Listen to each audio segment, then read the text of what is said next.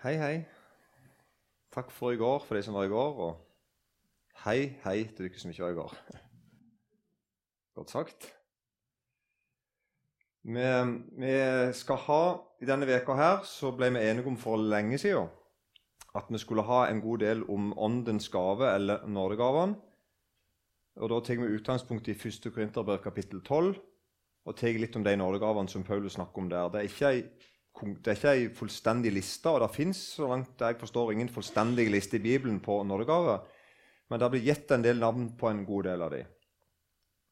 Og så har jeg jo blitt bedt om å si, snakke eller forkynne litt om helbredelse. Og En av nådegavene er jo om helbredelse. Den tror jeg vi akkurat ikke rekker å begynne på i kveld. Vi, jeg vi teger, jeg tror vi rekker tre nådegaver hvis, hvis det går som jeg tror. Og Så stopper vi der, og så vil jeg da i morgen eventuelt med om nådegaven til helbreder. Men jeg vil òg ha mer om det. Eh, jeg vil ha mer om helbredelse når vi er ferdig med å gått gjennom lista. Så jeg, vi, vi, sier, vi, sier, en god del i morgen antageligvis da på møtet om helbredelse. Uh, og så vil jeg si noe mer om det hvis vi blir ferdig med alle nådegavene. Så vil jeg si mer om det da på møtet på torsdag. Hvor det blir fredag, da. Jeg er dårlig på dager. men det er ikke mer på den. Vi har en god del nådegaver vi skal gjennom. Ni, tror jeg kanskje. Og En av de er nådegaven til helbreder. Og så vil jeg si noe mer om den eh, i en senere anledning, på et senere møte. Og bare helt kort um, Ja, jeg tror jeg vil si det helt kort så jeg, før jeg glemmer det. At um, der er der er noe vi ikke snakker om, som særlig Markus skriver om. Um, der vi ser at det første underet Markus skriver om, er han besatte mannen i synagogen. Det er noe med, det, med det, den onde og det onde som Gud har bedt dere om å, Jesus har bedt dere om å forholde dere til, og som jeg opplever kanskje at vi helst ikke snakker om. på en måte. Det er noe sånn anspent-sjokket der. det kan være på den. Uh, der Bibelen ber oss helt konkret om at vi skal drive ut onde ånd i hans sitt navn, og det skal lyde oss. Vi leser om at det skjer, og vi leser om at Jesus gir en stående befaling liksom at sånn skal det være og gi løfter knytta til det, at det skal skje. Og Det opplever jeg at vi snakker litt lite om, og, og det vil jeg gjøre noe med. Eh, og så ser jeg òg at det, det har en sammenheng med sykdom og lidelse. Og det vil jeg også si noe om. Jeg tror ikke jeg skal gjøre det når vi nå går gjennom nådegaven til helbredelse. tror jeg kanskje ikke jeg kommenterer det så mye, men jeg vil gjerne komme tilbake til det seinere. Og hvis noen vil snakke med meg eller sånn i løpet av, Jeg bor ikke Asker Egeland, eh, og Rebekka for så vidt òg. Kanskje vel så mye hun er ikke, faktisk. Du er ikke fra hjemme i dag, du bare kommer rett fra styremøtet. Så. Men du påstår at du bor der iallfall. Så, så hvis noen vil treffe meg der, eller sånn, så går det sikkert òg an. Hvis vi skal ha noen samtaler. Um, ja. Jeg opplever at den onde plager oss ganske mye, og kanskje mer enn han skulle få lov til, på sett og vis. Ja, jeg tror jeg vil påstå det. Kjære Jesus, vær her fortsatt med Din Hellige Ånd. For navnet ditt skyld og for riket ditt skyld. Og vi forsaker Satan og alle hans gjerninger alt hans vesen, og så henvender vi oss til deg, Jesus. Du er seierherre. Du har allerede vunnet, og du vant for meg. Amen. Jeg skal bare ta litt sånn kort ifra i går. I går begynte vi aldri på nådegaven. Vi hadde bare en eh, litt sånn for meg, Jeg syntes det var litt sånn rotete innledning, men flere satt og syntes det var greit. så det, da tror jeg på det. Men jeg opplevde litt sånn at vi sa litt om Når vi skal ha om nådegavene, så er det noen som reagerer litt på at det blir fort litt sånn teknisk og praktisk og, og, og sånn. og er det, det, det, ja. Så det jeg, jeg, tenk, jeg, tenkte i går, jeg tenker i dag òg, så jeg angrer ikke på det. At det, det å sette på en måte i riktig sånn kontekst eller perspektiv og det I går så sa jeg bl.a. om at vi har Jeg tror at når det er manglende kunnskap om nådegave i en menighet, så er det jo ikke tilgang på informasjon. at vi, å, jeg, jeg, er ikke, jeg er ikke en bibel, eller, Det er jo ikke det det handler om. Eller jeg har ingen podkast å høre, eller jeg har ingen bøker å lese. Det er ganske mye der ute uh, som folk kan høre på. Men jeg tror det handler mye om at vi ikke har et behov for det. Siden jeg bare har tenkt å gå på jobb og tjene mine penger og, og gjøre mine ting og gå på et møte av og til og sånn, ikke sant? Og be min aftenbønn, liksom, jeg skjønner ikke at det er litt sånn, så, så behøver ikke jeg så mye mer enn det. Jeg har ikke vært på kne innenfor Gud og sagt 'Kjære Jesus, du må gi meg noe, for jeg har en bror som ikke er kristen'. Eller 'Du har lagt på meg en nød, for det er, det er altså to milliarder mennesker som ikke har hørt evangeliet'. Vet du ikke Det Det er to milliarder mennesker, hvis du regner kjempekonservativt. Noen sier at det er tre milliarder mennesker som er per definisjon unådde, som ikke har hørt evangeliet tilstrekkelig til å kunne ta stilling til det, og slettes ikke til å kunne gi det videre. Og For noen så blir det et problemet så stort at de må i kne til Gud og be om å rett og slett bli utrusta. Fordi de har tenkt å gjøre noe med det. Og Derfor tror jeg at det, i åndelig svake tider så mister vi perspektivet på det med nådegave. Og vi kan nesten bli redde dem. Vi kan nesten føle at det er noe sånn, sånn der ubehagelig med det. At vi så folk som, som, Hva du holder på med? Det hadde vi så greit. altså driver du, Hva du, hva du gjør for noe? Liksom. Skjønner du? Det blir nesten sånn oppleves det som uorden. på en måte. Var bedre før, når vi som satt rekke og rad og oppførte dere. Så kom du liksom og så Hva, hva er det du holder på med? Er nå dette nødvendig? Det oppleves nesten sånn for oss. Faren min forteller når, når, han var ung, og det begynner å bli mm, lenge siden, at da kom det ofte fulle folk inn på møtene. Det var helt vanlig, liksom kom fulle inn på møtene. Og så visste folk at ah, det er ikke sånn tilfeldig at det kom innom bedehuset. Det er en sånn søken etter det. Og så kunne folk på bedehuset håndtere det. De var vant med det, liksom. Men det vi leste i går, da, var, det vi begynte med, var altså at Paulus sier sånn til korinterne at når det gjelder de åndelige gaver, brødre, vil jeg ikke, vil jeg ikke at dere skal være uvitende. Og så sier han etter det der kjærlighetskapittelet, kapittel 13, så sier han Jag etter kjærligheten, søk med iver å få de åndelige gaver, særlig å tale profetisk. Så all snakk om åndens gave kan fort bli det. Altså Det kan fort bli snakk. Altså Noe som blir på en måte teoretisk. bare sånn Ja, vi snakker sånn kjekt om det. Og da kan sånn, Problem nummer én Vi kan på en måte blåse oss opp og bli opptatt av våre egne gaver. ikke sant? Det er en fare for det, sånn i teorien iallfall. Jeg vet ikke om faren er sånn kjempestor her. Det er ikke mitt inntrykk at vi som her er alle sånn veldig på at de har så og så mange gaver. det er ikke mitt inntrykk, altså, for, bare for å si det rett ut. Så jeg tror ikke at du ikke skal være livredd for at det skjer her. Men, men sånn, det kan skje. På sikt så kan det skje. Og det kan gå fort hvis først det blir sånn spektakulært. Eh, men nummer to er at vi kan bli så redd for nummer én at vi lar være å tenke så mye på det. Det er sånn to problemer som jeg ser. Det er egentlig bare ett problem. Og så kan vi da si ja, men Gud kan vel bruke meg selv om jeg ikke vet så mye om dette temaet. Ja, heldigvis. Og skulle jeg si Gud gjør alltid det. Gud bruker jo meg og deg på tross av et eller annet hele tida. Det er jo aldri på grunn av. Men samtidig så ber altså Gud dere om å ikke være uvitende. Jeg har skrevet 'sjal', og det skal være 'skal'. Det går ut fra at de fleste vet, forstår. Ja, der er vi. Så vi må ha altså et gudgitt behov for at Ånden skal utruste meg med gave. Det er det beste utgangspunktet. Og et, et gudgitt behov er altså at du opplever deg fattig, uåndelig, lite kristelig, lite skikka. Det er et kjempegodt utgangspunkt. Og samtidig kjenner du men jeg vil ha med Gud å gjøre for deg. Og på en eller annen merkelig måte, Jeg tror på en eller annen merkelig måte at, at jeg vil bli brukt av Gud òg, selv om jeg egentlig opplever det nesten motsatt. Det er et utrolig godt utgangspunkt. Og samtidig er det sånn veldig vanskelig utgangspunkt. Så jeg vil tjene mine søsken med nådegaven. Og det sa vi oss i går, at min, den nådegaven som Gud gir meg, den skal jeg tjene dere med. Og Derfor er det ikke fint av meg å si at jeg er ikke så opptatt av nådegavene. Det er ikke sånn at jeg, som jeg, jeg tar til takke med et glass cola. liksom. Det er ikke så nøye med meg. Er du ikke med? Nei, jeg skal tjene deg med nådegavene. Og så må du tenke om de gaver òg. Det, sånn det, det, det, er ikke ydmykt av deg å ikke ta imot og ikke jage etter, etter, gavene. Hvis du ønsker å tjene meg, da. Meg og de andre. Og så vil jeg vinne nytt land for Herren. Det snakket vi jo litt om i går, at Vi vil ikke bare bevare grensene våre, men vi vil erobre nytt land. Og Det er den beste måten å bevare grensene på. Og Jeg ønsker at Ånden skal utruste meg, så det ikke, så det ikke blir noen kjødelige greier. Ikke sant? Jeg ønsker, Kom du, Gud, og gi meg, gi meg de rette verktøyene. Og så sier du at det var mye jeg her, var det ikke det? Litt mye jeg her. Og det vil jeg si at Frykten for å bli fokusert på meg og mitt er merkelig nok et fokus på, seg, på deg sjøl. Det vil jeg si, det satt, dette sa jeg litt om i går, og jeg vil si litt til om det i. At det er en frykt som at å, jeg ønsker ikke meg som fokuserer på meg og hva jeg kan gjøre for Gud. og sånn. Jeg er litt sånn redd for det. Det høres, det høres sånn utgangspunktet ganske fromt ut, og for noen få så kan det være det, være det òg. Men, men, ofte så er det egentlig bare en litt sånn uh, finurlig måte å egentlig bare bakke ut på.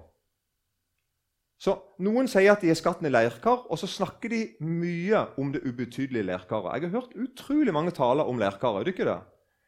Og, og det, er helt, det, er jo helt, rett. Bibelen snakker om at vi har en skatt i et leirkar. Men andre sier at vi er skatten i leirkar, og så snakker de mye om skatten.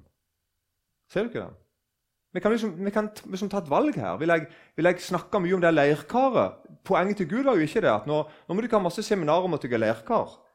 Det var jo ikke poenget. Poenget var at nå må du ikke ha masse seminarer om skatten, som du ikke har i leirkar. Men vi kan ha en tendens til å bli opptatt av min utilstrekkelighet, min mangel på åndelighet, min mangel på et eller annet. Men det er jo ikke det som er poenget til Jesus. Poenget er å si at 'jeg bruker det ikke på tross av'.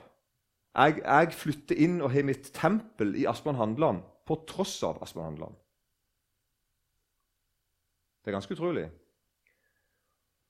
Derfor kan vi heller ikke si at det blir ikke noe godt i meg. Det er jo, også, vi tror vi siterer Paulus når vi sier det, men Paulus sier i meg, komma, det vil si i mitt kjød, komma, bor det ikke noe godt. For Paulus er klar over at det bor noe godt i ham. I hjertet hans sitt. Der er, der er Den hellige ånd og har tempel. Og når Paulus da, Måten Paulus snakker om dette til korinterne, er, at, er å si at de skal jage etter kjærligheten og søke med iver etter åndelig gave.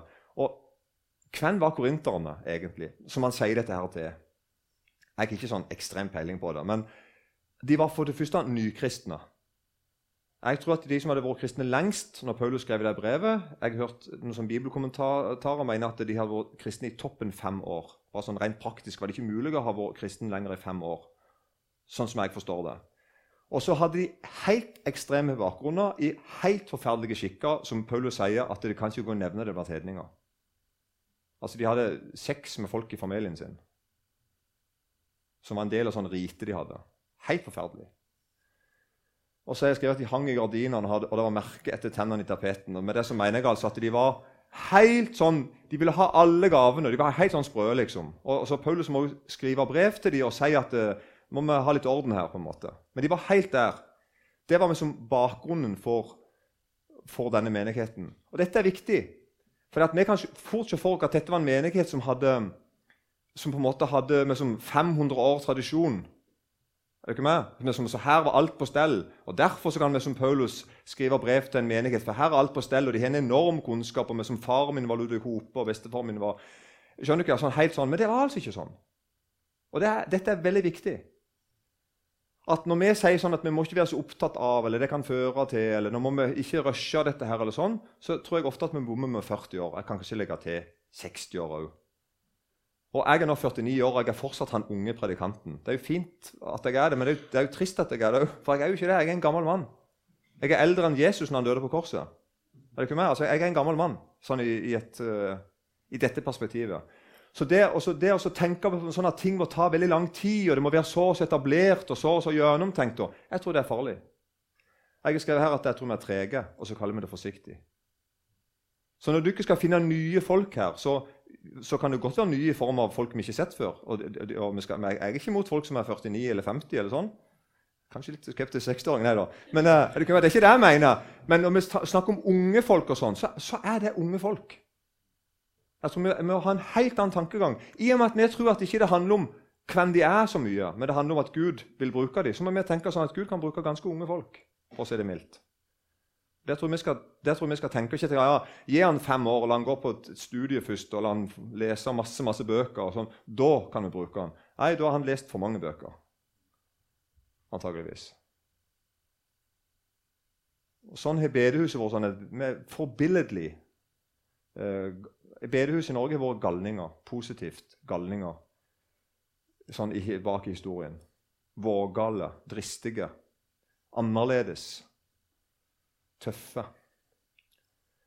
Så vi må passe oss ikke kunnskapen blåser oss opp. Paulus snakker om å være oppblåst på kunnskap, og det er egentlig å være arrogant. Og Det er egentlig bare én medisin imot det, og det er praktisere det du vet. Begynn å gjøre det du kan. Begynn å altså, å gjøre det lille du forstår. Det er en medisin mot å bli oppblåst arrogant. For da går du på trynet, og så må du plutselig ligge der og rope til, til Gud om nåde.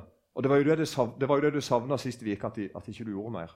Tenk på det. Mange sier det at jeg, som har det ikke sånn, mange sier det at de, som, jeg føler ikke meg som at jeg har det så godt med Gud. og som, Når jeg leser Bibelen, så er det så tungt og trist og jeg meg så mye noe. Nei, kanskje du skulle få en grunn til å rope på nåde igjen. Er du ikke med på den? Kanskje du rett og slett må gjøre deg erfaring av hvem du er. Sånn helt på ordentlig, at det ikke bare er en teori. Så Menigheten Korint altså, den leser vi om i Apostlenes gjerninger 18. Da leser vi om når den ble etablert. Og som sagt, Det var nykristne med en utrolig dårlig bakgrunn fra et utrolig dårlig miljø. Og Paulus lærer dem noe. Her skal du se hva Paulus, øh, Det er noe som jeg la merke til her for et par år siden, som jeg ikke har sett før. Her står det da i Apostelens gjerninger 18. Så ga han seg til der i ett år og seks måneder og lærte Guds ord blant dem. Men da Gallio var landshøvding i Akaia, slo jødene seg sammen mot Paulus. De førte ham for domstolen og sa denne mannen overtaler folk til å dyrke Gud på en måte som er i strid med loven. Og det Jeg legger merke til her egentlig bare én ting, og det er det siste her. At Paulus lærte de å dyrke Gud på en måte. Er dere med på den? Og Da er spørsmålet mitt til dere Altså det, eller saken er altså at Guds ord det er først og fremst en bok til praktisering. Altså den, du leser om praksiser, og Bibelen mener at du skal begynne å praktisere. Er, Bibelen er ikke en teoribok. Den er, den er, den er sånn overraskende lite teoretisk. Alt handler om Vi leser om noen som gjør noe, som ber andre om å gjøre noe annet. på en måte. Altså, alt, det er veldig sånn praktisk og praktisering. Og Derfor vil jeg da si at min forkynnelse på Lura vil den føre til praksiser, eller vil den vise seg å være unyttig? At det bare noen fikk to mer kunnskaper. Nå vet jeg to ting til som jeg legger bak i plass. Og så, så fint det. Er det bare det? Det er fint når det skjer. Men fører det til en praksis, altså skjer det samme som Så tøft når Paulus var en plass, da, så merket folk Når han forkynner, så begynner folk å gjøre noe. De dyrker Gud på en måte, som forresten ikke passer med den måten vi syns er bra. da, men her er poenget mitt altså at han lærte de å dyrke Gud på en måte. Det førte til, til noe praktisk. Sånn skriver han altså om nådegavene. nå. Når det gjelder de åndelige gaver, brødre, vil jeg ikke at dere skal være uvitende. Dere vet at mens dere var hedninger, ble dere dratt og revet med til de stumme avgudene. Derfor kunngjør jeg dere at ingen som taler i Guds ånd, sier forbannet til Jesus, og ingen kan si 'Jesus er Herre' uten Den hellige ånd. Det er forskjell på nådegave, men ånden er den samme. Det er forskjell på tjeneste, men Herren er den samme. Det er forskjell på kraftige gjerninger, men Gud er den samme, Han som virker alt i alle. Men åndens, men åpenbarelse blir gitt enhver til det som er ganglig. Jeg elsker det Paulus gjør her. For det han gjør her, at han sier ikke at alle er like.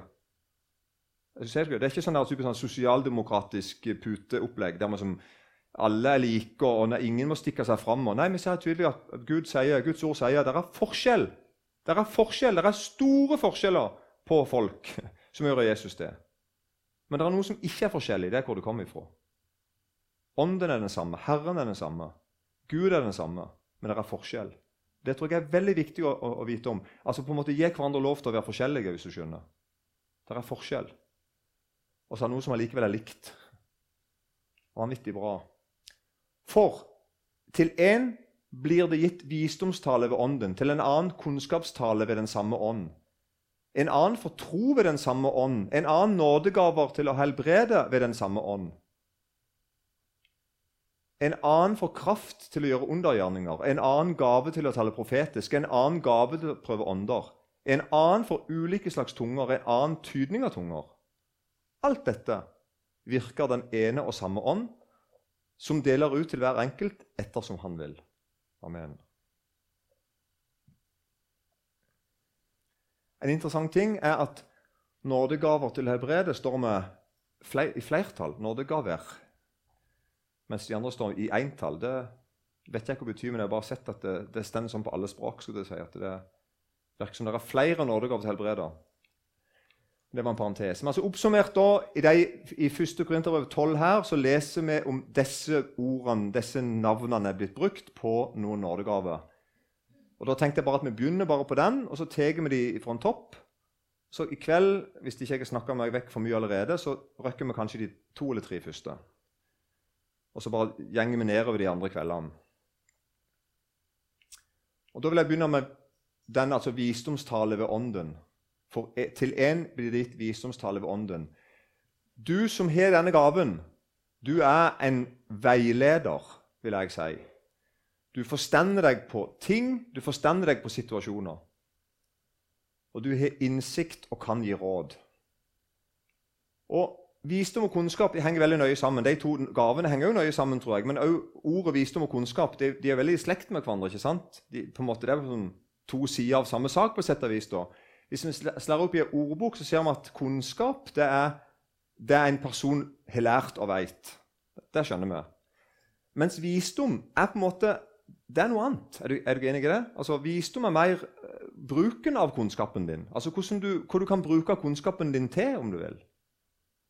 Sånn at det, visdom det er egentlig mer klokskap, innsikt, forstande deg på ting. Det står om Salomo at han hadde større visdom enn alle Østens barn og alle egypterne. Han var visere enn alle mennesker, visere enn esrahitten Etan. Han skrev Salme 89 og Mahuls sønner Heman og Kalkol og Darda. Hans navn var kjent blant alle folkeslagene omkring. Han laget 3000 ordspråk, og hans sanger var 1005. Han var vis. Og visdom forutsetter kunnskap. Og visdommen på en måte da vet å bruke kunnskapen riktig. Du blåser deg ikke opp, du misbruker den ikke, men du bruker den riktig. Der står i ordspråkene 10 eh, og vers 8 så står det Den som har visdom i hjertet, tar imot budene. Det er godt sagt. Den som har visdom i hjertet, tar imot budene. Men den som har dårens lepper, går til grunne. Så den som er nådegaven til visdomstale, vil kanskje på en spesiell måte kjenne igjen noe av dette her. Det står om visdom og, og visdomstale at Visdomsord kan gi den enfoldige klokskap, de unge kunnskap og omtanke. Den vise skal høre på de og gå fram i lærdom, og den forstandige vinner evne til å leve rett. Av de, altså av de visdomsordene kan en lære å forstå ordspråk og billedtale, vismenns ord og deres gåte. Å frykte Herren er begynnelsen til kunnskap. Visdom og tukt blir foraktet av dårer. Så du er ikke en dåre, du som er denne gaven.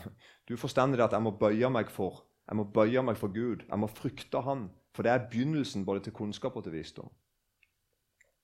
Så de som har fått visdomsgaven, vil frykte Herren på en spesiell måte. Og det er veldig rart, da. Det er en eldre mann særlig som jeg tenker på. Som Jeg tror ikke det var en kjeft som ikke tenkte at han var vis. sånn rent menneskelig også.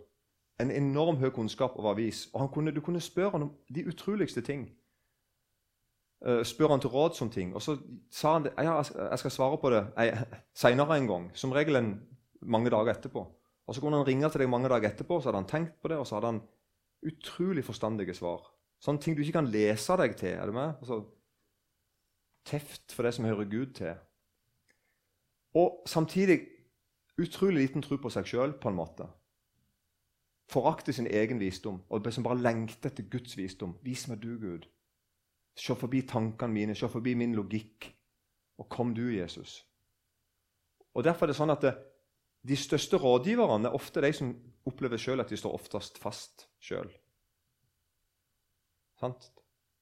Du som bærer denne gaven, visdomstale, tror jeg ikke opplever deg sjøl som vis og klok og har en kjapp blikk og har kontroll. Nei, du, tvert imot tror jeg du opplever ofte at du må til Gud og få alt av Han.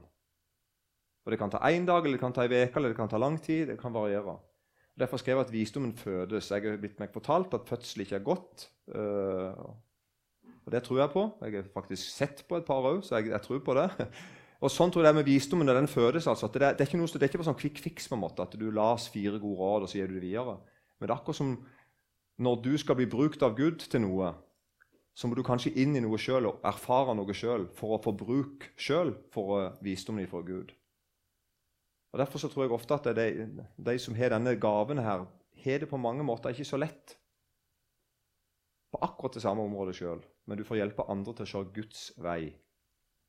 Og kunnskapstale, som er den andre gaven Paulus nevner, som på måte, mange måter ligner til en annen kunnskapstale ved den samme ånd, da tenker jeg først og fremst på at du har kunnskap i Guds ord.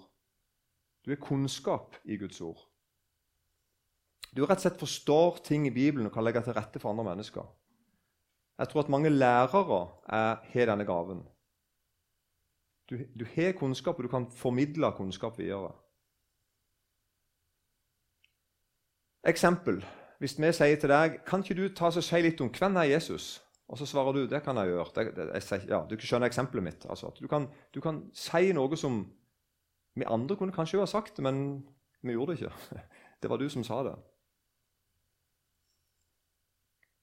Du har en oversikt i Bibelen, og du gir egentlig oss andre en oversikt når du formidler det videre. Du er veldig avhengig av Bibelen. Jeg skulle til å si selvfølgelig. Og ofte vil ditt argument være det står skrevet. Det stender der og der. Sånn argumenterer du. Og Hvis vi skal se på en som virkelig har kunnskap med stor K i dette feltet, så ser vi altså Jesus Dette er i, i eh, Markus 24. Det er de der to mennene som er på vei vekk ifra alt det triste. Og så går Jesus opp på sida av dem og, og, gjør seg ukjennelig. Og så sier han da så uforstandige dere er, og så trege i hjertet til å tro alt det som profeten har talt. Måtte ikke Messias lide dette og så gå inn til sin herlighet? Jesus liksom sier at har du ikke lest meg som Gamle testamentet? liksom? Hvorfor går du ikke vekk og sørger? Og Han begynte fra Moses og fra alle profetene og forklarte for dem i alle skriftene det som er skrevet om ham. Ser du ikke det? Det er, det er kunnskap. Kan liksom vise uh, ja, Legge ut Skriften for oss. Bæreren av kunnskapsgaven bøyer seg for Jesus, for ordet. Og det er faktisk Jesus som vi andre møter gjennom deg. Og du har kanskje mer enn mange andre sett at Jesus er ordet, og ordet er Jesus.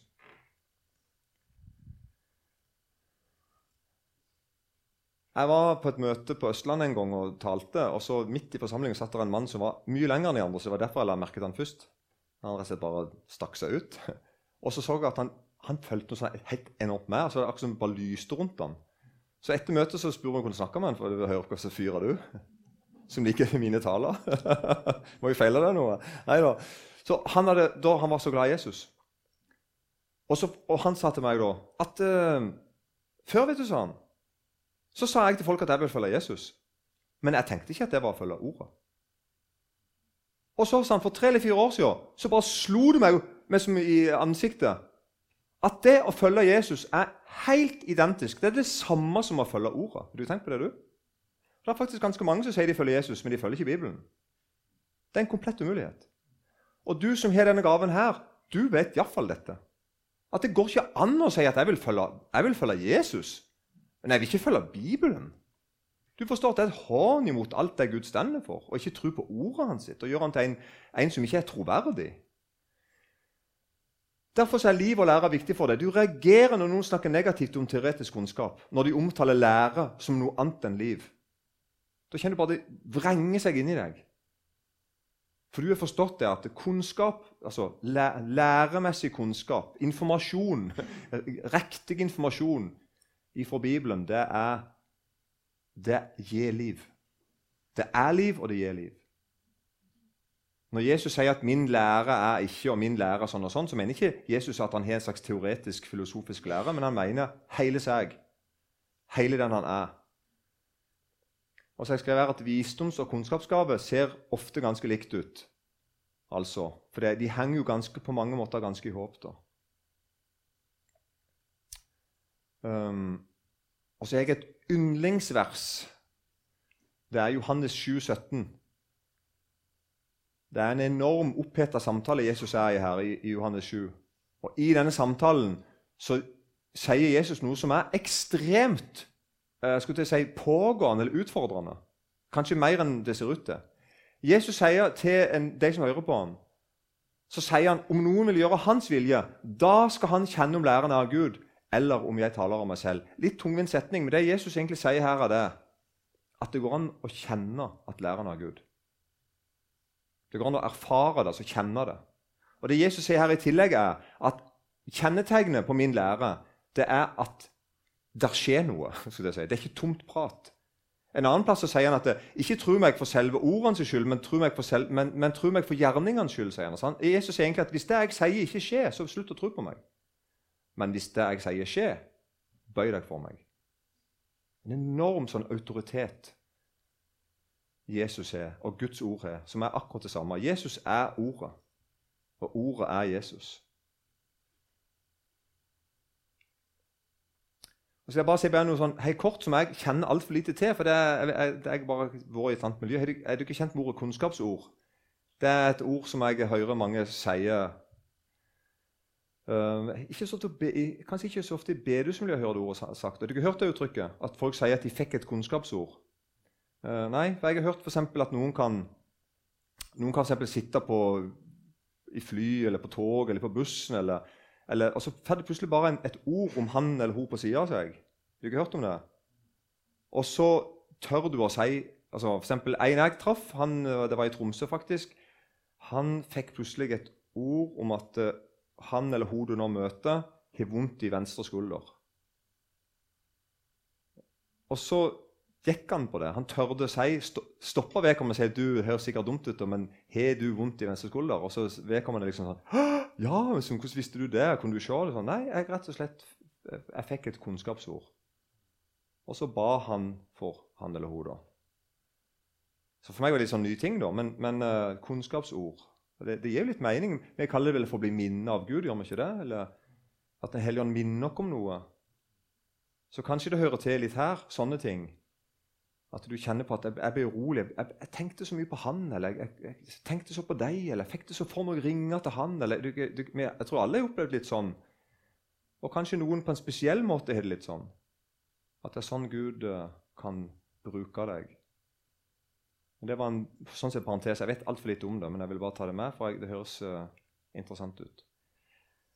Den tredje gaven er gaven til å tro. En annen får tro ved den samme ånd. Og Da må vi jo si at alle kristne har tro. Det er jo på en måte Definisjonen på å være en troende er jo å ha en tro. Så vi skjønner jo at det er ikke det det betyr. Det betyr ikke at noen på en måte har en frelsende tro. For det har jo alle kristne per definisjon. Men jeg vil kalle det for en overbevisning utover det vanlige. Det er noen folk som får en overbevisning utover det vanlige. Og nå bare er jeg ekstremt spontan. Du på bakerste benk der. Jeg tror du er litt sånn. Uh, jeg, har bare hørt så mye om deg, og alle snakker sånn om deg. At du har, en fyr der er futt i deg. Du bare kjører på. Det har jeg bare lyst til å si. det det har jeg hørt om deg som bare positivt. altså. Sånn, en drive og en enorm som pågangsmot. Og den, Han jeg vil ta fram i kveld, som jeg har lov til å ta fram, det er min kollega Eilert Fredelig. Han skal, Jeg har to bilder av han og skal si litt om han. Og Det er en litt sånn gammel sak. Det er fra 2018, liksom. Men jeg, jeg ønsker å fortelle en, en, fortelling som er sånn litt konkret, og som jeg har lov til å fortelle. Det er ikke vi som utleverer folk. Jeg, det er en del folk i kristne miljø som har den gaven, og de er helt fantastiske. Og Hvis det er noe vi trenger i Norge nå, så er det denne gaven her. Og de er en slags ko-ko, noen av de. Det var ei hjemme som heter Jorunn Fosse. Hun lever ennå. Hun er over 90 år. Har du hørt om Jorunn Fosse? Hun er ikke riktig klok, altså. Hun er positivt. Hun er, hun er helt galen. Og, og da jeg var 15-16 år, så ble jeg hyrt inn og jobba dugnad på leirplasser og på Kvås folkeskole, som det da heter. Og bare et fyrverkeri! Du, du blir gira bare av å være i nærheten av henne. Og det var sånn noe gudgitt noe. Det er ikke sånn, ja, det, men nå skal jeg ikke snakke meg vekk. Det er det motsatte av motløshet, dette vi snakker om nå. Og på en måte, det, altså, alle, alle, kristne har ei ånd som er motsatt av motløshet. Men, men, du som er denne gaven, du har på en måte fått en mye større porsjon, om du vil. Altså, du, det er noe sånn som er helt gudgitt. Noe rart over deg, og på grense til dumt. sånn utgangspunktet. Og mange blir sure på deg. Syns du, syns at du er altfor mye noen ganger. Helt sikker på det. Men det er, veldig, det er det motsatte av motløshet. Og det vil jeg si først, For motløshet er feighet. Og feighet det er, det er, noe som ikke er for Gud. Vi tar altfor lett på motløshet. Vi tenker nesten at det er noe sånn fint med å være motløs. Nesten sånn, å, nei, men gjenger som motløs. Motløs er helt forferdelig, og det er ikke for Gud. Motløshet er ikke for Gud. Det står her rett ut. Paulus trøster sin bror, eller sin, nesten, skulle nesten si til seg sønn, som han vel nesten kaller, kaller han, Timoteus. Og så sier han, derfor minner jeg deg om at du igjen opptenner den Guds nådegave som er i deg ved min håndsbeleggelse. For Gud ga oss ikke feighetsånd, men krafts- og kjærlighets- og sindighetsånd. Og du som har gaven til å tro, du vil på en spesiell måte kjenne på dette gudigheten mot det. Men jeg skal ikke si at vi andre ikke gjør det. Vi andre òg kjenner på dette. ikke sant? Dette er, dette er, allment for alle kristne. Tilgjengelig for alle kristne. skulle jeg si. Guds ånd er ikke feig. Guds ånd er ikke motløs. Vi, vi, vi, sier, Når vi begynner å kjenne på at vi begynner å sutre, når vi begynner å kjenne på at nå begynner å butte, når vi begynner å se, vi begynner å se på skituppene og begynner å klage, så gjenger det en alarm. gjør det ikke vel? Nei, hva er det vi holder på med? Vi hører til et rike som er helt annerledes. Og da trenger vi noen sånne som gjenger først. Gaven til å tro henger fast på og i Jesus og hans makt. Og Derfor vil jeg si at når, jeg sier at, det, at det, gaven til å tro ikke er sånn jeg tror på Jesus, så er det jo det. De tror på Jesus. Bare det, bare det, er, ikke, det er ikke frelsende tro. men de det er Jesus som har sagt at vi skal gjøre dette. her. Det er ikke noe du har sett på en YouTube-film liksom. Eller lest i en bok. Jeg skjønner du? Det er noe Jesus har minnet deg på. Og du, du, er kanskje ikke helt sikker på det alltid, så du må kanskje ha noen å snakke med, men det er det som, det er det som griper deg. Jesus Kristus, det er, det er Guds ånd som driver meg til dette her. Og det må vi andre rundt anerkjenne. Vi må, vi må, høre etter det. Er det Guds ånd, eller er dette bare en fyr med litt sånn spillende ideer? Er det vi som Skjønner ikke? Det er lov Det er lov å sjekke hvem er han her. Ikke sant? Han eh, driver med sånn pyramidespill. Ikke sant? Eller hva er det for noe, liksom? Det, det er lov. Det tenker jeg. Men, men du som har dette her, du blåser deg ikke opp. Du er ikke på en måte ikke full på deg sjøl. Du tvert imot har med deg noe fra Jesus. Og Det som skjer i møte med deg, er at du gir oss andre del i en uforklarlig, overbevisende tro på noe konkret. Det blir sånn mandag klokka sju. Det blir sånn 4000 kroner. Er det, ikke det, det, er ikke bare sånn noe prat der vi kjenner på ja, sånn, Nei, det blir sånn Det er noe konkret. Noe vi skal gjennomføre eller oppleve, og du smitter oss. Og Derfor sier jeg her at du står ofte alene. Jeg skulle til å si, Det ligger jo i sakens natur. Hvis, har, hvis, det er du som har ideen først, så er, så er, det det. Så det på en måte må du bare leve med. Og Du syns egentlig det var kjedelig hvis du kom an sist, for det, det, er ikke sånn du fungerer. Så du står ofte alene, og du kan, du, du kan mistenkes for en diagnose. Ha-ha, skriver jeg. Det, men eh, det, ja, litt sånn noen ganger. Det var, var noe veldig der, liksom. ikke sant? Og du kan provosere de som er redde og som er skeptiske, uten at du ønsker det.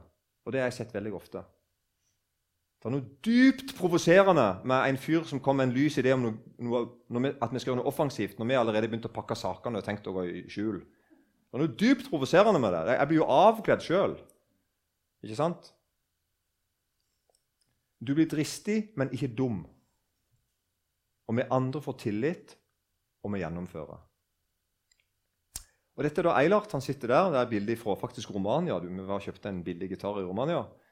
Husker du det? Uh, han var med meg der noen ganger.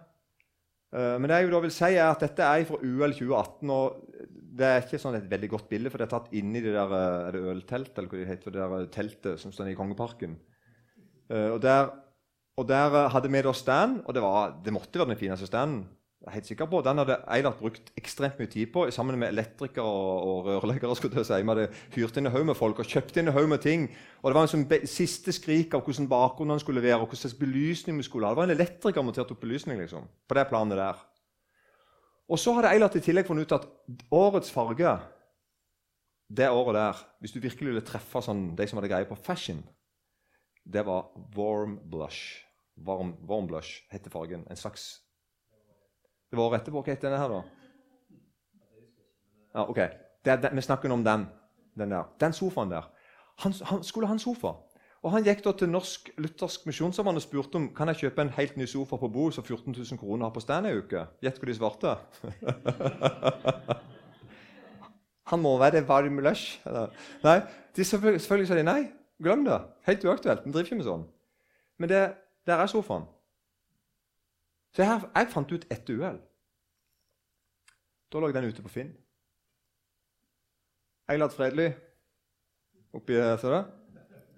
Han legger ut sofaen på Finn. Han hadde kjøpt den. For han skulle ha den sofaen på den standen. For det hadde han tro på. Og, kan, og, og, Poenget mitt med å si dette Hvor mye fikk du for den? Fikk du fem for den? Tre og et halvt, ja. ja. Men poenget mitt er altså, da opplevde Jeg det, jeg og han hadde begynt å jobbe i laget i 2017, og han hadde tro på noen ting. Det skulle være skikkelig. Vi skulle få tak i folk sånn og sånn. Vi skulle gjøre ditt, vi skulle gjøre datt. Og så ser jeg at han, han har så tro på det at når, når, hvis ikke han får penger til å gjøre det, så bare bruker han sine egne penger og ordner det. Det, er, det, altså det beundrer jeg deg for, Eilert. Og det gir vi andre rundt en sånn, vi begynner å, altså Jeg begynner å oppføre meg. Jeg begynner å ha tro på ting. Er rundt meg har tro på ting. Og Det er skikkelig. Det er, det er helt, det er tvers gjennom bra.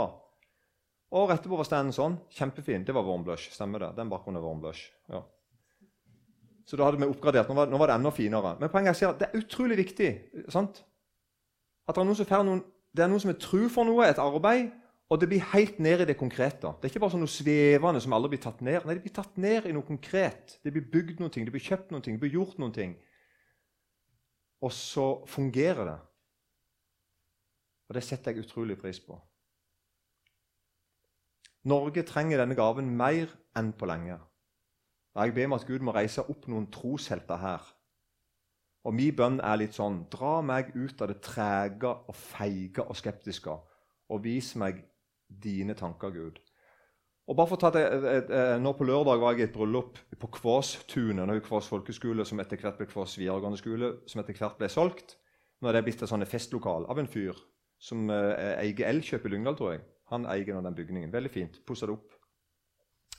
Da gikk jeg godt da gikk jeg i gymsalen der og så tenkte jeg på at når, når misjonen eide det huset der Jeg tror det var ekstremt dårlige tider. når han, Jeg tror det var sikkert var Noraberg som var rektor. det er ikke sikker på, men sånn høvdingerektor som var der før. Så vi fant ut at nå bygger vi gymsal. Og vet du hva det er under gymsalen? Svømmebasseng. Jeg tror det er bygd på 60-tallet. liksom. I en tid der det var sånn helt uhørt å gjøre det. Og de hadde parkanlegg. Folk stoppet jo for å ta bilder. Parkanlegg på parkanlegg rundt der. Enormt. Og det vitner om sånn Det var ikke for å flotte seg. på en måte, Det, var sånn, det er skikkelig, det er gjennomtenkt, det er, våga, det er vågalt, det er dristig. Uh, og det fungerer. Sånne ting altså jeg, eh, Dette roper jeg til Gud om, mer enn noen ting. Dette trenger vi nå. Og Det, det som er paradokset, er at i de miljøene som jeg hører til, Dvs. Si konservative miljø, hvis det er, er det et ord som er innenfor å bruke. Er det konservativ? Ja. Vi opplever jo ikke litt sånn marginalisert. Det er ikke en opplevelse, det er, det er helt riktig. Vi er veldig marginalisert. Og det er vi som trenger denne her mest. For vi, vi står i ferd for meg som å pakke sakene. Og nesten tenke at det er nesten rett. Vi kan nesten tenke at jeg tror nesten Gud vet dere bare å låse døra og gå nå. Og så går vi hi, liksom. Vi kan fort bli litt der. Det må ikke skje, altså. Det må ikke skje.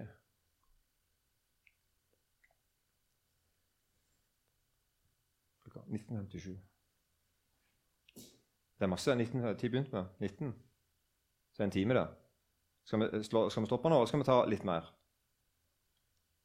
Skal vi ta litt mer? Skal vi gjøre det? Det er veldig vanskelig å si nei nå. Det er jo det. det er le skal jeg ta litt mer? Men det blir fort sånn tolv minutter mer da. Det går det greit? Ok. En annen nådegaver til å helbrede ved den samme ånd. Og som sagt, jeg lurer litt på Hvis noen kan si noe om hvorfor det står flertall der, så er jeg veldig interessert i å vite det. For det, Der står nådegaver til å helbrede. Kort fortalt, du som har denne gaven, du ber for syke, og de blir friske. Det kan skje ved håndsbeleggelse og bønn, altså at du er fysisk sammen med den syke i samme rom, på samme sted, nært, gjerne ta på. Men det kan òg skje på avstand, hundrevis av mil på den andre sida av kloden, så er, og at du allikevel kan be for syke, og at de blir friske. Jesus ser vi gjorde dette, gjorde begge deler. Jesus tok på folk og ba for dem. Han ble en gang tatt veldig, bare på klærne var jeg ble frisk. Men òg noen ganger så sa han bare 'gå hjem, og så vil du finne uh, den syke frisk'. Eller den døde levende. Spesielt.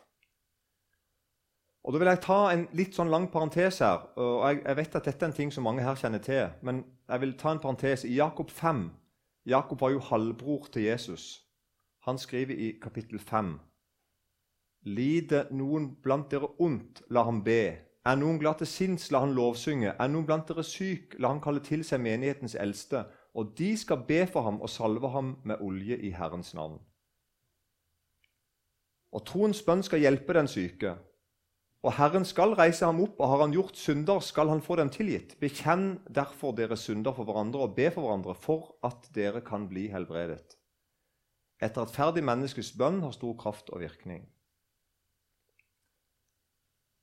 Så Jakobs brev viser altså at vi kan be for syke uten å ha nådegave til å helbrede. Og vi gjør det på en måte på Herrens ord. Og jeg har alltid med meg i min uh, forkynnerutstyrstilbehørsveske så har jeg med meg um, en, sånn, en, en liten, uh, liten krukke med olje. Og jeg bruker en helt vanlig olje jeg kjøper på bondepris, uh, som jeg steiker mat i. og sånn, Så jeg har bare litt på ei lita flaske. Ikke noe spesielt med oljen. Um, og Den er jeg alltid med meg, og jeg, det er veldig ofte at jeg får bruk for den. Og det jeg pleier å gjøre når jeg ber for syke, er at jeg tegner de bare med, jeg, jeg olje og så tegner de med korsets tegn bare i panna. Jeg, jeg tar ikke plent på den syke delen av kroppen, og sånt, for det kan være all slags plasser. Så da, det er sånn jeg gjør det. Og da sier jeg at det vi gjør nå, gjør vi i tru på Guds ord. Altså at Gud har sagt vi kan gjøre dette her, i, i kraft av det som gjør, gjør vi det. Første gang jeg ble salva bedt for, da hadde jeg en mer sånn psykisk sykdom. Jeg var utbrent eller depresjon, eller hva man kaller det. Da Da tok min far meg med til en eldre mann. Han hadde nådegaven til å helbrede. Og det han allikevel gjorde, det var, det var interessant. For det, det, han gjorde, var at um, han tok fram Bibelen, så bladde han opp på Jakob 5, og så sa han at jeg tror at Herren har gitt meg gaven til å helbrede. Men jeg vil, men jeg vil allikevel gjøre det på Herrens ord. Så han sa at når jeg ber for syke, så gjør jeg det likevel på Herrens ord. Og, så, og litt fordi at han ville snakke med meg om mine synder. For det, Da sa han til meg at du kan bekjenne det hvis du vil, eller du kan bare med, med ord, eller du, kan, eller du kan bare si det inni deg til Gud.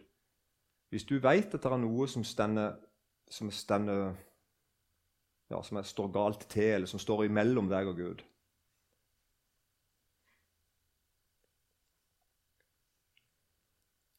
Så det gjør vi på Herrens ord. Um, og det vil jeg ja, Vær frimodig med å spørre om å få lov å bli bedt for. For det, der er jo litt, Vi ser her altså at det, egentlig er det den syke som på en måte har initiativet. på en måte. Så her er ikke eh, Ja, ikke sant? Det ligger et slags initiativ hos den syke, men da må jo den syke vite om at det går an å spørre noen. Så på en måte må vi gi det til kjenne òg, Men jeg, jeg har inntrykk av at sånne ting kan dere her, skulle jeg si. Dere vet om sånne ting her og gjør sånne ting her. og Gud velsigne dere for det. Utrolig viktig. Og jeg tror det er utrolig viktig å snakke med den syke. Um, nådegaven ser sånn ut. I Jesu Kristi Nazarenes navn, nasareerens navn, stå opp og gå. Og han grep hans høyre hånd og reiste ham opp. Straks kom det styrke i hans føtter og ankler, og han sprang opp og sto og gikk omkring. Apostlenes gjerninger 3,6. Sånn ser nådegaven ut. Veldig sånn helt kort. Fyren ba vel egentlig bare om penger, var ikke det? Så sier han 'Sølv eller gull har jeg ei', sier han da. Og du som har denne nådegaven, kjenner antageligvis til sykdom. Dette har jeg ikke selvfølgelig noe sånn statistikk på, men overveldende mange av de jeg har hørt om, lest om eller snakka med sjøl, som har gaven til å helbrede, kjenner sykdom langt over snittet godt sjøl. Noen er syke sjøl, kronisk syke, lidelser som de sliter med. Andre har folk i nær familie som har store store utfordringer med helsa. Det går overraskende ofte igjen. Og jeg, og jeg har tenkt da at jeg tror ikke det er tilfeldig. Jeg tror det er noe helt spesielt med du som skal be for syke, at du veit hva det går i. For det at folk som ikke vet hva det går i, og som driver og ber for syke, det er siste sort. Det fins mest ikke noe verre enn folk som ikke har empati for deg, og som bare skal fikse sykdommen din. Det er jo helt forferdelig. Det kan, det kan øyelegge et menneske, tror jeg. Så du som skal be for syke, du har en respekt for andre folk, og det må du ha.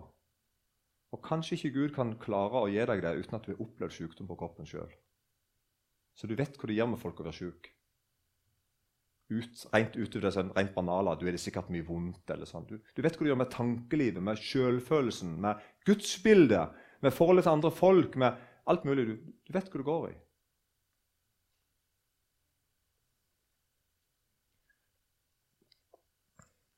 De sier om han er Snåsamannen Nå skal ikke vi diskutere hvor vi tror han var, hvem han var, og sånn, men det er utrolig interessant. Jeg har snakka om noen som er blitt bedt for, eller, blitt, eller jeg vet ikke om Babel kanskje ikke for folk han snakket kanskje bare med dem, men de sa, de sa, at jeg kom inn til han, jeg satte meg ned, og så sa de jeg, altså det, gikk bare, det var bare helt vilt. Det to-tre stykker sagt akkurat det samme. Det var helt, en helt sprø opplevelse.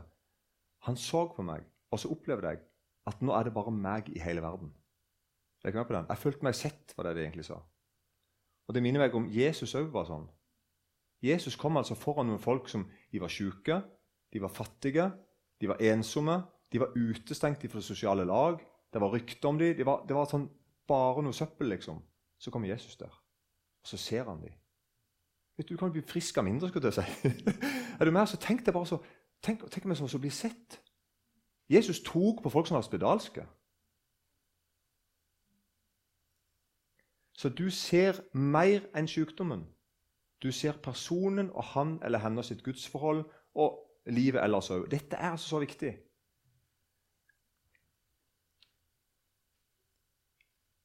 Du snakker med Jesus om den syke, og du bestemmer ikke sjøl. Og du har en slags tiltrekningskraft på syke. Akkurat som at du, du ender opp med du ender opp og snakker med sjuke mer enn andre. Og de, og de, og de som har en eller annen problem, snakker, snakker med deg. Der skjer vi som noe sånn ja, Det bare ble sånn.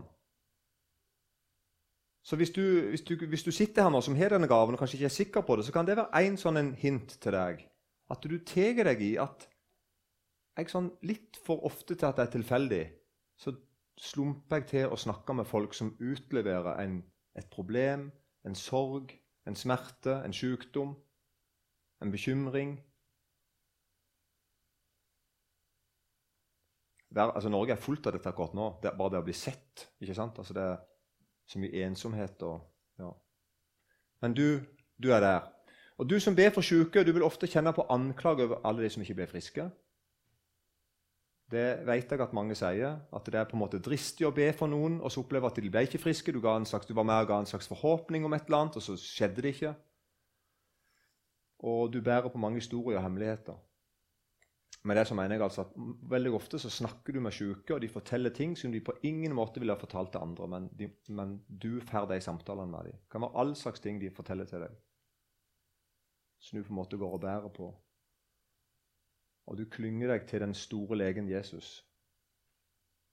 Og mer enn noen andre vet du at det beste er å være frelst.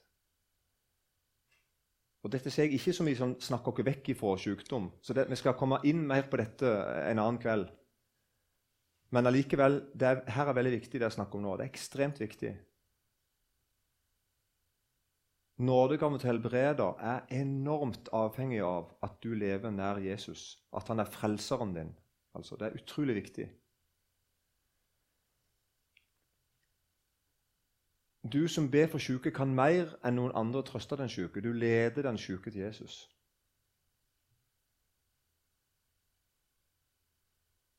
Du forteller om den nye jord, eller himmelen. Det er det samme. Der sykdom ikke fins. Og der i samtale med folk som er syke, og gjerne alvorlig syke, så sier du snart så springer du igjen. Eller snart så smiler du. Er med hva jeg mener med det? Altså sånn metaforisk. Altså Ganske snart. Vi må, forstå, vi må forstå livet vårt nå som et evig liv som allerede er begynt. Vi må det. Altså, vi er nødt som kristne å forstå at livet som jeg lever nå, er et evig liv som allerede er begynt. Jeg lever nå et evig liv. Det gjør du òg som når Jesus det. Og Sånn må jeg forstå meg sjøl, sånn må jeg forstå sykdommer, sånn må jeg forstå livet som skjer meg. Jeg må forstå det i det perspektivet at jeg lever ikke lenger for meg sjøl, men jeg, lever, jeg, jeg, har fått evig liv. Jeg har fått evig liv. Jeg har det nå. Og det, det, gjør noe med hele tanken på ja, Du, du skjønner hva jeg mener? Det, du får et helt annet perspektiv på ting som er helt avgjørende. Ikke for å snakke oss vekk, og sånn, men tvert imot for ikke å snakke oss vekk. At Jesus vil jeg si noe veldig viktig nå, og dette har gått veldig opp for meg de siste, særlig, ja, særlig de siste åtte årene, kanskje åtte-ti årene. Dette har gått veldig opp for meg. At det at Jesus helbreder, tar ikke ansvaret bort for meg. Vi ser aldri at Jesus liksom bare gikk sånn og bare hjelpte folk. Knips, knips, knips. For her, det her kunne han. Og så liksom gikk han smertefritt videre. Uberørt og smertefritt videre, for han kunne fikse folk. Er du med? Nei, nei, nei. nei. Han griner for dem. Han blør for dem. Han dør for dem. Og du som har denne gaven her, du òg veit det, altså at det, For det om Jesus tar seg en syke altså, fordi min Herre tar seg av syke, gjør jeg det òg.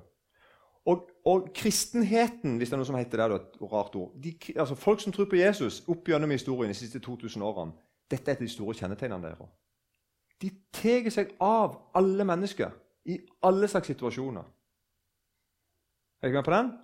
Det var ikke sånn at når, når vi, som, De første kristne som virkelig trodde på helbredelse, og som der alt med, som vi snakker om de første kristne som er alt med som var bra, det var ikke sånn at de da ikke brydde seg om samfunnet rundt seg, eller ikke brydde seg om folk som hadde det vanskelig. Nei, det var tvert imot. Det var nettopp fordi vi har et kall til å helbrede. Vi ber for syke, og vi er sammen med de som er syke. Sånn fungerer det. Er dere med på den? Så i det øyeblikket, og det her gjelder kanskje spesielt du som er gaven til å, til å Be for syke og gaven til å helbrede. Du er klar over det. At Noen ganger så ber jeg for noen, og så blir de friske. Andre ganger så ber jeg for noen, og så blir de ikke friske. Og så ber jeg for dem. Og så er jeg noe for dem. Og så legger jeg til rettes for dem. Noen blir friske umiddelbart, andre ikke. Men vi blir hos vår neste. Og Derfor så er vi veldig mange kristne blitt sykepleiere og leger. Fordi at de er klar over det, at det er en forlengelse av det å helbrede. Det er en forlengelse av det å bry seg om, om, hverandre og vise omsorg og kjærlighet for hverandre. Det er ikke en motsetning. Det er ikke sånn at ingen kristne er leger for vi ikke tror på at vi trenger lege, for vi kan bare bli helbreda. Nei, det er, er ikke med på den? Det, det er vevd sammen. Nettopp fordi at vi hører til den store lege, så blir vi leger. Nettopp fordi at vi tror at det, det, går, at det er viktig å ha omsorg for, for helse og sånn. For det har Jesus vist. Så blir vi sykepleiere eller andre ting.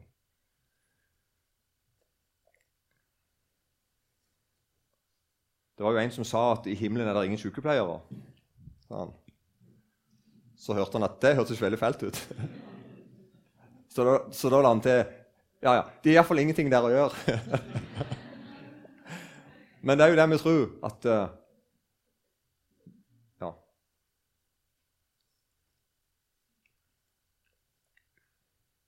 Verden trenger Jesu venner. Verden trenger kristne som tør å slåss mot ondskap og urett. Verden trenger kristne som gidder å se den ensomme. Verden trenger kristne som stender opp for noe, selv om det koster. Verden trenger kristne som elsker, og som gjør alt dette i Jesu navn.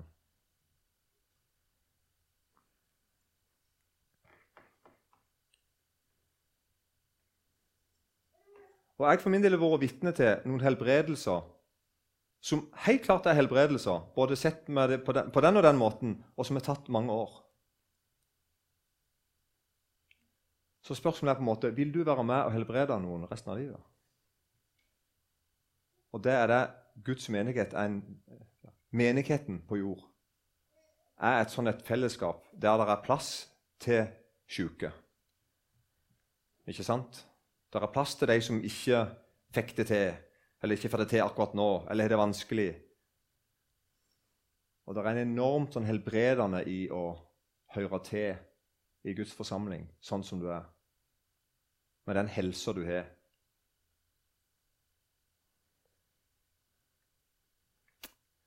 Og så tror vi òg på en ting til. Vi tror på rett og slett at Vi tror på at kroppen skal stå opp igjen. Legemets oppstandelse. Og Derfor er det òg en ting at vi forstår at her i livet her på jorda vil det være gråt og sykdom.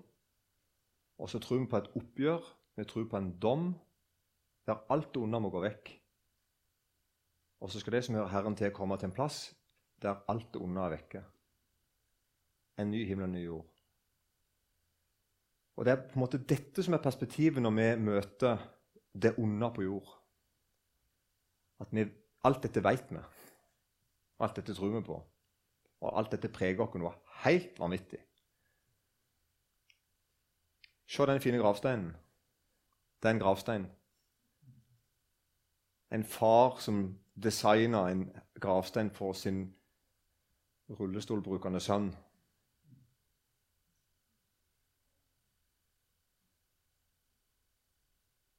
Og det er ikke virkelighetsfjernt. Det er ikke, måte, det er ikke å snakke seg vekk fra saken. Nei, det er å snakke Det er en drøy påstand å si det. Jeg tror at alle skal bli, alle skal en dag som hører Jesus til, skal oppleve en fullstendig helbredelse. Free of this earthly burdens.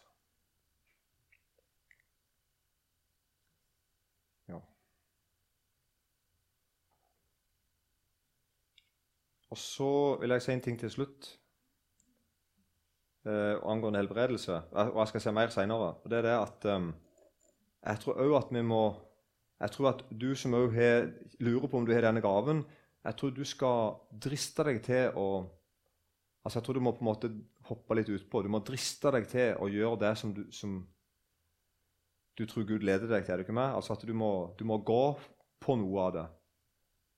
Og, og og kanskje du, må, kanskje du, må, være sammen med noen som kan på en måte hjelpe deg, at ikke du står alene i det.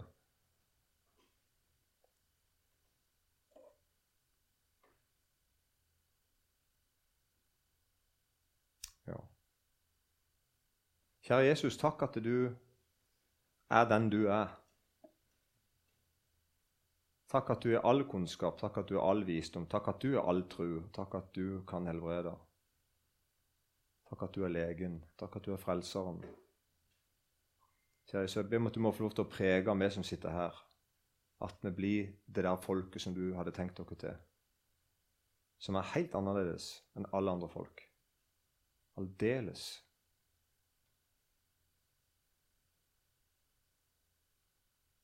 Jeg ber om at uh, tegn og under må følge oss som en slags stille konsekvens en stille understrekning av det vi tror på.